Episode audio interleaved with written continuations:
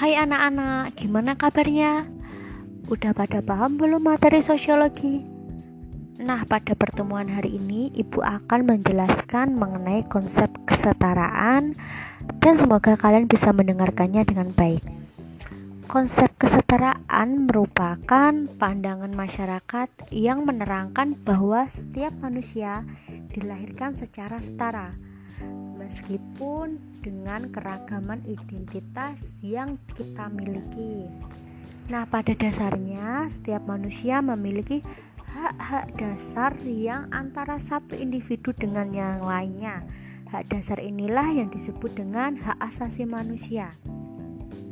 Dengan adanya pemahaman masyarakat mengenai hak-hak dasar tersebut, maka diharapkan dapat menciptakan harmoni sosial dalam masyarakat. Harmoni sosial dapat kalian pahami sebagai kondisi di mana individu hidup sejalan dan serasi dan setiap anggota masyarakat dapat menjalani secara baik dan membangun hubungan secara baik mungkin dengan masyarakat yang lain.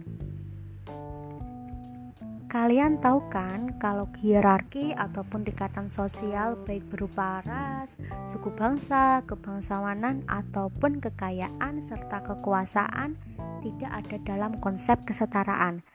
Karena hierarki dapat menjadi kendala ataupun penghalang terwujudnya suatu kesetaraan sehingga dapat menyebabkan suatu disintegrasi.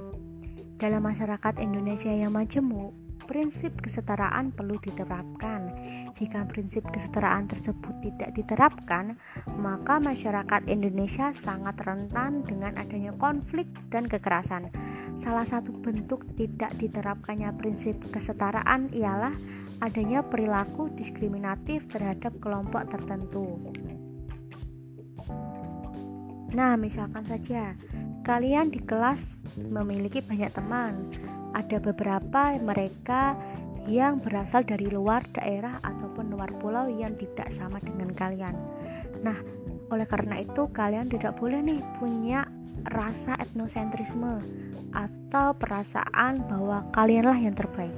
Karena perasaan tersebut dapat menyebabkan disintegrasi sehingga kalian termasuk orang-orang yang tidak menerapkan prinsip kesetaraan. Sekian penjelasan dari Ibu. Ibu lanjutkan ke pertemuan berikutnya. Terima kasih. Wassalamualaikum warahmatullahi wabarakatuh.